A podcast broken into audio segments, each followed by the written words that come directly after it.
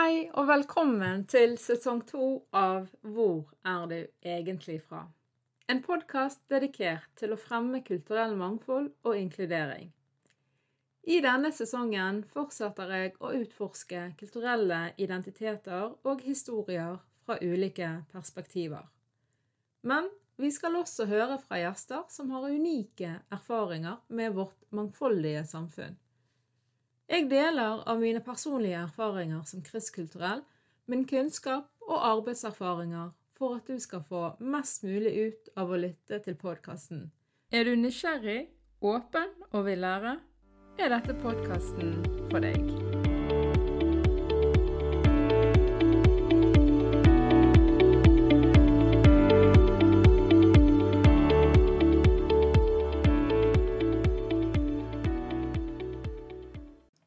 Heia, folkens, og hjertelig velkommen til en ny episode av Hvor er du egentlig fra? Vi begynner faktisk å nærme oss eh, slutten på sesong to. Eh, jeg har ikke helt bestemt meg ennå for eh, hvor tid jeg spiller inn den siste episoden, men jeg tenker at det ikke står veldig lenge til. Eh, fordi at jeg må rett og slett ha meg eh, først og fremst en liten eh, ferie, men òg en kreativ pause for å forberede meg til sesong tre, som jeg tror kommer til å bli veldig bra. Meld dere veldig gjerne inn på nyhetsbrevet mitt for å få med dere når ting avsluttes, og når ting begynner igjen for å få litt eh, tips og triks, eh, mer kunnskap om det som handler om kulturell mangfold, og hvordan du kan bidra til mer inkludering. Og jeg deler òg flere personlige historier og noen ganger av min egen kristkultur, som eksempel oppskrifter fra Midtøsten, altså matoppskrifter. Så eh, veldig gjerne meld dere inn på www.navarsayad.no. Men nå sitter jeg altså i en veldig tom leilighet. Jeg har nemlig solgt palasset mitt, og jeg er på flyttefot. Denne prosessen fikk meg til å tenke på da jeg kjøpte leiligheten min for fem og et halvt år siden snart. Og da var jo jeg en veldig annerledes person. Like snill og grei som nå, men jeg var ennå ikke kommet ut av mitt skall. Jeg eh, kjøpte leiligheten det året jeg fylte 30, og frem til da så hadde jeg bodd mer eller mindre hjemme hos mine foreldre, utenom de periodene jeg studerte i utlandet. Det hadde ikke noe for seg, tenkte jeg, å flytte ut for å leie, når jeg visste at jeg ville trenge mye egenkapital for å eie. Jeg hadde det òg helt greit, selv om jeg var veldig ivrig på å få noe for meg sjøl og på å komme meg inn på boligmarkedet.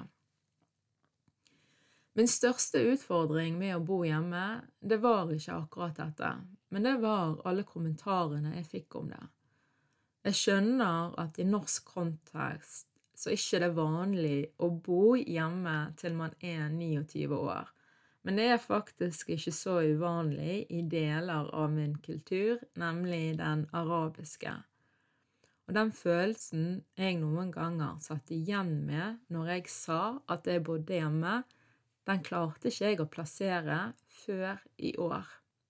Denne følelsen heter kulturell skam. Og det er nettopp det som er tema for ukens podkastepisode.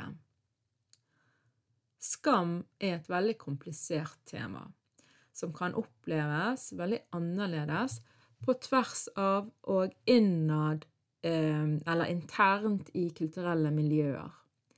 Det er en veldig kraftfull følelse som kan påvirke vår oppførsel, relasjoner og selvoppfattelse. Kulturell skam handler om følelsen av skam som skapes av at man ikke oppfører seg i tråd med kulturelle normer og forventninger, og som kan bidra til en følelse av mindreverdighet og utilstrekkelighet. Jeg har tidligere snakket om skam og alvorlige konsekvenser av å ikke oppføre seg sånn som det er forventet av andre, i episode åtte om negativ sosial kontroll.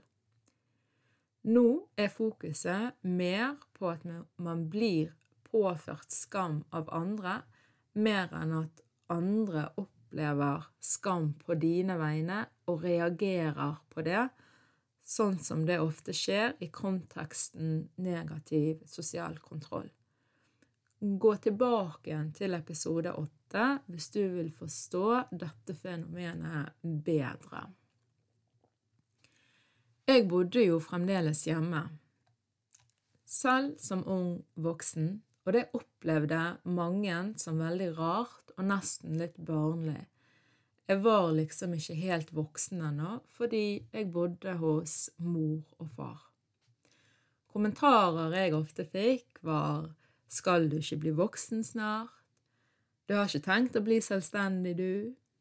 Nå må du komme deg ut snart, dette er ikke vanlig. Eller Jeg skjønner ikke hvordan du tåler å bo hjemme. Og favoritten min eh, Du har kanskje ikke et litt for tett forhold til dine foreldre. Alle disse kommentarene viser hvor forskjellig tankesett jeg og i hermetegn de andre har. Og selv om det har vært uskyldige kommentarer, så har det vært et budskap om at jeg ikke oppfører meg normalt, jeg lever ikke normalt, og at dette er ikke en norsk levemåte. At jeg var over myndighetsalder, hadde både bachelor og master og lang arbeidserfaring, og hadde til og med blitt tildelt en akademisk pris for mitt arbeid, det telte ikke som voksenpoeng eller som gode prestasjoner, for jeg bodde tross alt fremdeles hjemme. Noe av det verste jeg visste om som ung voksen, det var å svare på hvor jeg bodde, for jeg hatet følelsen det skapte i meg når jeg så folks reaksjoner, eller når jeg fikk noen av disse kommentarene. På et tidspunkt, på automatikk, så begynte jeg å forklare hvorfor jeg bodde hjemme.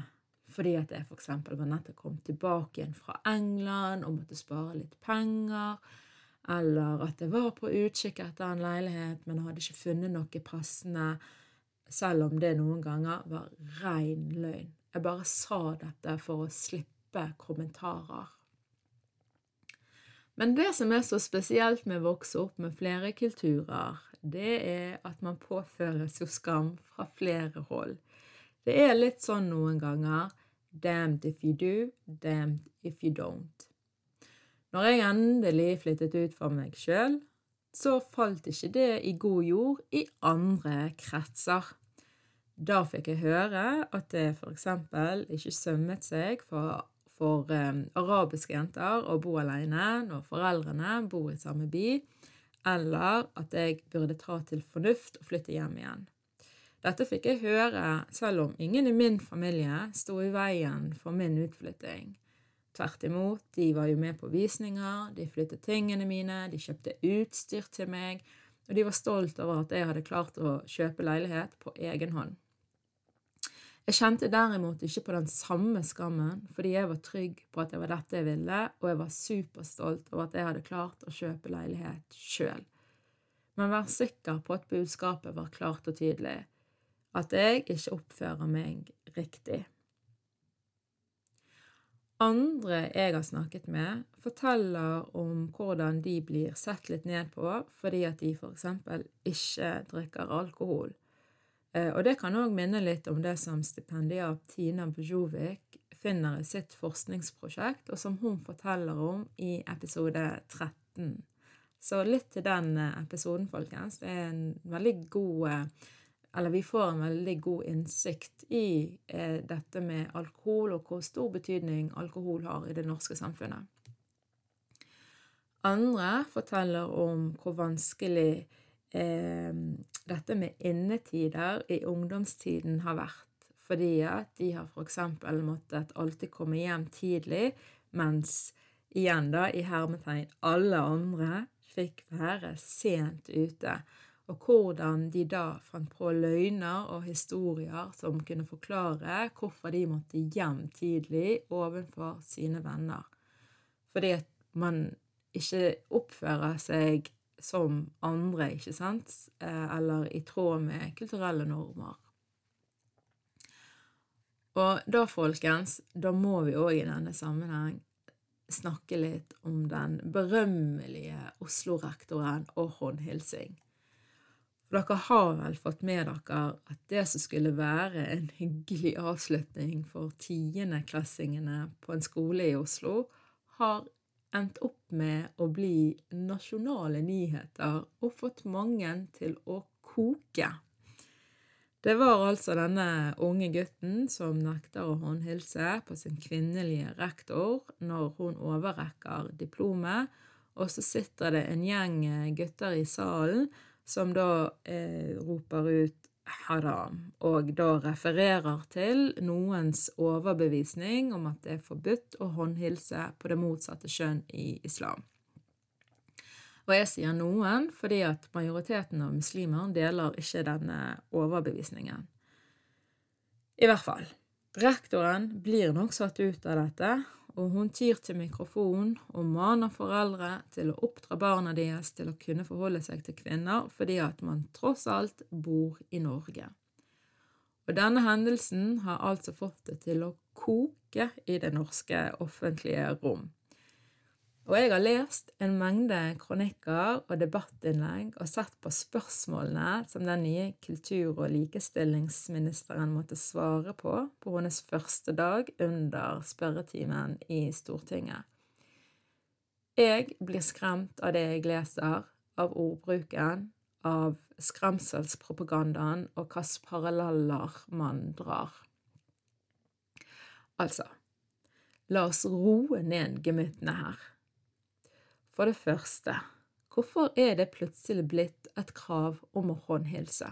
Hvorfor klarer ikke vi å akseptere at noen viser respekt og eller hilser på andre måter enn å rekke ut en forbaska hånd? Føler man seg så truet at man skal tvinge alle til å leve på samme måte? Jeg skjønner det bare ikke, og det skriver jeg en kronikk om akkurat nå. Spørsmålet er selvfølgelig bare om den blir publisert, men folkens, frykt ikke. Hvis ikke kronikken blir publisert, så tar jeg altså bare tak i mikrofonen min og spiller inn en episode om det. Nå begynner jo dere kanskje å bli litt kjent med meg. Jeg skal jo ha mitt sagt. Men fra spøk til alvor. Jeg skjønner selvfølgelig at det er en skikk i Norge å håndhilse i mange forskjellige situasjoner. Eksempel når vi hilser på noen for første gang, når noe overrekkes, når vi gratulerer noen med noe. Men nå er jo håndhilsing blitt selve symbolet på om du er norsk eller ei, om du er opptatt av likestilling eller ei, om du er liberal eller ei, om du er innafor eller ei. Og det for meg er helt sprøtt. Men hovedpoenget på denne episoden det er at de som ikke vil håndhilse, om det er bevisst eller eh, om det er virkelig er pga. en religiøs overbevisning eller eh, uansett hva grunn, de blir nå utsatt for kulturell skam av politikere, debattanter, nettroll og den vanlige mannen i gaten. Fordi vi har nå sagt veldig tydelig at de som ikke håndhilser, de er unormale. De hører ikke til dette samfunnet. De er ikke norske. De har ikke integrert seg, og de har i hvert fall ikke integrert norske verdier. Og denne type retorikk, altså måten det snakkes på og snakkes om andre mennesker, det skaper masse skam. Til og med hos meg, som både håndhilser og klemmer på gutteboys. Jeg er ikke redd for guttelus, men fy søren ordene som brukes i dag i diskusjonen, får jo til og med meg til å bli flau og å føle at jeg gjør noe galt, selv om jeg ikke har gjort noen ting feil. Snart er det fullstendig tabu å være muslim i dette landet, fordi enten må man innrette seg helt og holdent etter andre sine forventninger, eller så hører man ikke til i dette samfunnet. Og dette er jo en del av kulturell skam, for det er dette kulturell skam får deg til å føle. Du hører ikke til her. Det er ikke rom for å være individuell i dette samfunnet, selv om det hevdes høyt at individualitet er en høyt verdsatt verdi. Det er heller ikke rom for religionsfrihet, selv om man utøver religion på en måte som ikke skader andre. Hadde man hatt samme krav til alle nordmenn, så hadde det kanskje vært litt lettere å bære, men her går man altså løs på muslimer i Norge, og derav den kulturelle skammen. Kulturell skam er ikke bra, folkens, og som dere kan høre om i episode åtte, så kan det føre til vold, isolasjon og psykisk uhelse. Men skam i denne konteksten som jeg snakker om i dag, kan også føre til psykisk uhelse som angst og depresjon hos den som føler at de gjør noe galt, eller som føler at de ikke lever sånn som andre forventer, men det kan òg føre til lav selvfølelse og mistrivsel med seg sjøl. Det kan bidra til at folk ikke føler at de hører til her, og som jeg har snakket om i flere av mine episoder, så kan utenforskap bidra til sterk psykisk uhelse, indre konflikter og identitetsforvirring. Det kan òg føre til sinne, og at man starter å avvise fellesskapet fordi man føler seg avvist av storsamfunnet. Det er ikke bare en uskyldig kommentar, en kvass tone eller en teit vits på andre sin bekostning, men det er reelle opplevelser av at man ikke blir akseptert, av at man ikke strekker til, at man gjør noe feil eller galt, eller at man ikke er normal, at man ikke hører til. Så hva kan du gjøre for å bidra til et samfunn der sånne som meg, som vokser opp med flere kulturer og flere måter å leve et liv på, kan føle seg trygg, stolt og akseptert? Her er noen raske tips fra yours truly. Det første tenker jeg sikkert er litt åpenbart nå, men vær bevisst på måten du snakker om og omtaler andre kulturer eller mennesker med andre kulturelle bakgrunner enn det du sjøl har.